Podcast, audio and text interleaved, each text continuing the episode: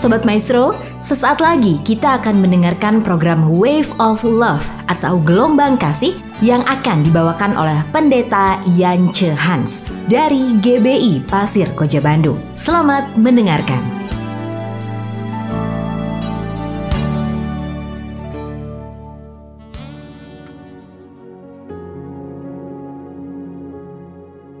Shalom, Bapak, Ibu, saudara-saudara, teman-teman yang dikasihi oleh Kristus yang ada di kota Bandung. Sebelum kita merenungkan firman Tuhan, mari kita menaikkan ucapan syukur dalam doa. Bapa Surgawi, kami mengucap syukur untuk anugerah yang Engkau berikan kepada kami pada hari ini. Terima kasih untuk bulan Desember, bulan di mana umatmu merayakan Natal di seluruh dunia. Biarlah makna Natal ini tidak kami sikapi hanya dengan secara materi, tetapi terlebih lagi secara spiritual, sehingga di dalamnya nama Kristus dipuji dan dipermuliakan. Dalam anugerah, kasih, kuasa, dan berkat nama Tuhan Yesus, hamba sudah berdoa dan mengucap syukur. Amin. Bapak, Ibu, Saudara yang dikasih oleh Tuhan, pembacaan kita terambil di dalam Titus pasal 2 ayat 11 sampai dengan ayat yang ke-14 dan 15. Karena kasih karunia Allah menyelamatkan semua manusia sudah nyata. Yang mendidik kita supaya kita meninggalkan kefasikan dan keinginan-keinginan duniawi dan supaya kita hidup bijaksana, adil, dan beribadah di dalam dunia sekarang ini dengan menantikan penggenapan-penggenapan kita yang penuh bahagia dan pernyataan kemuliaan Allah yang maha besar dan juru selamat kita, Yesus Kristus. Sedangkan yang menjadi rema renungan kita pada malam hari ini terambil di dalam Titus 2 ayat yang ke-11. Karena kasih karunia Allah menyelamatkan semua manusia sudah nyata. Di bulan Desember ini kita uh, diingatkan kembali tentang Natal yang berarti kelahiran Yesus.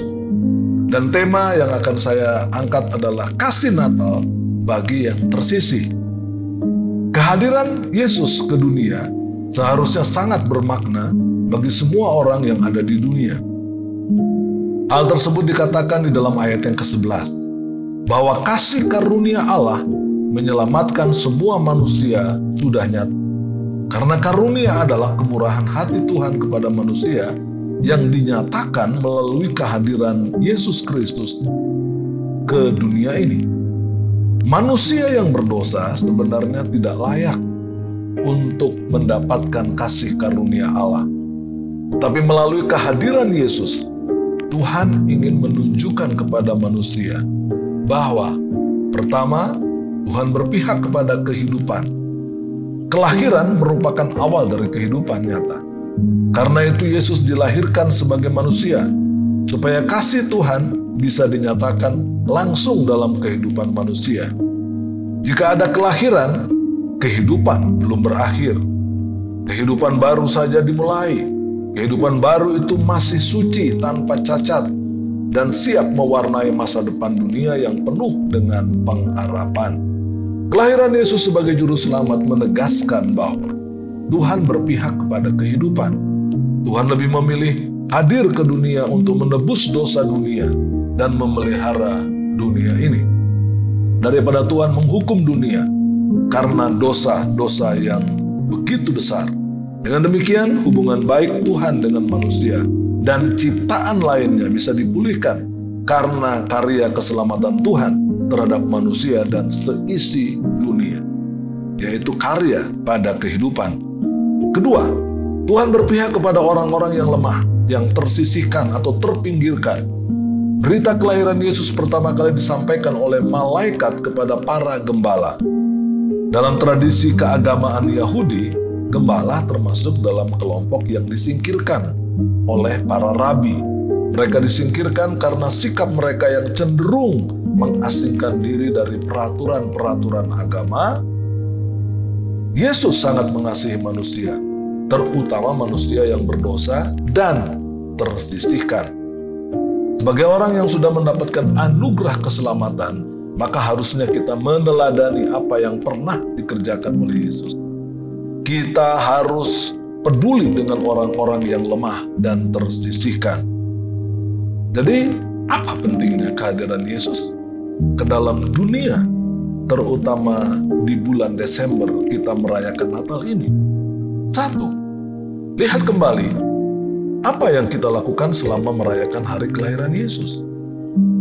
Ada banyak pesta dan kemeriahan yang bercampur dengan tradisi modern. Banyak orang merayakan Natal tetapi tidak menghadirkan Yesus. Justru menghadirkan sosok lain sebagai pengganti Yesus. Yang kedua, kelahiran Yesus adalah peristiwa manusia yang merasakan kasih karunia Tuhan. Berbagi rasa dengan sesama yang menderita seharusnya kado atau hadiah Natal bukan untuk kita, tetapi untuk orang yang benar-benar tersisihkan dan memerlukannya. Kelahiran Yesus seharusnya membawa damai, bukan pertikaian. Damai itu diwujudkan dalam kehidupan sehari-hari, yaitu dengan mengasihi orang lain. Kita mungkin sulit untuk menceritakan tentang Yesus kepada orang lain. Mungkin lebih mudah bagi kita untuk mengikuti kehidupan Yesus sehingga orang lain bisa melihat dan mengenal Yesus melalui hidup kita. Kelahiran Yesus harus diberitakan kepada semua orang. Keselamatan yang dibawa oleh Tuhan Yesus juga harus kita beritakan kepada banyak orang.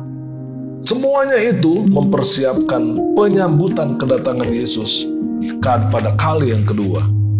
Mengikuti kehidupan Yesus sehingga orang lain bisa melihat dan mengenal Yesus melalui hidup kita. Kelahiran Yesus harus diberitakan kepada semua orang.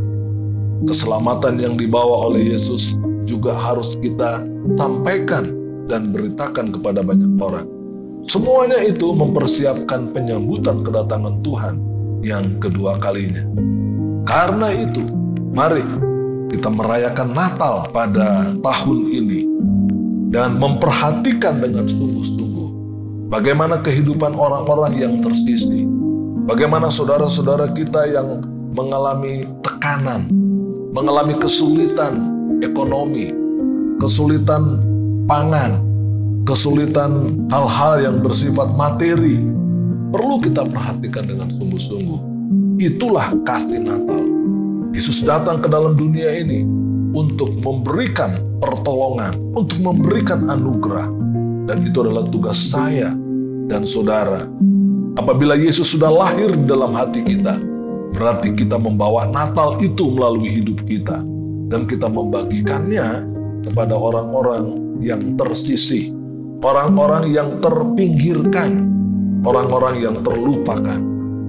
Di hari-hari seperti ini, mari Natal bukan sekedar upacara, pesta, dan berbagai hal-hal yang materialistik, tapi marilah kita merayakan Natal dengan iman yang sungguh.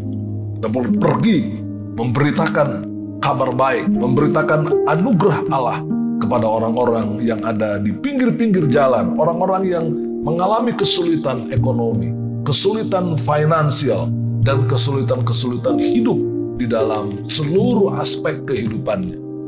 Puji Tuhan, marilah kita sama-sama merayakan Natal di tahun 2022 ini dengan kasih yang berbagi kepada yang tersisihkan. Bapak Sorgawi, terima kasih. Pakai kami semua, di mana pun kami sedang berada saat ini. Mungkin kami berada di kendaraan, mungkin kami berada di rumah, mungkin kami berada di kafe, mungkin kami berada di tempat-tempat yang tersulitkan, tempat-tempat yang tidak mudah, namun biarlah kasih itu kasih Natal itu tersalurkan melalui hidup kami. Dalam kemuliaan berkat Tuhan Yesus, kami berdoa dan mengucap syukur. Amin.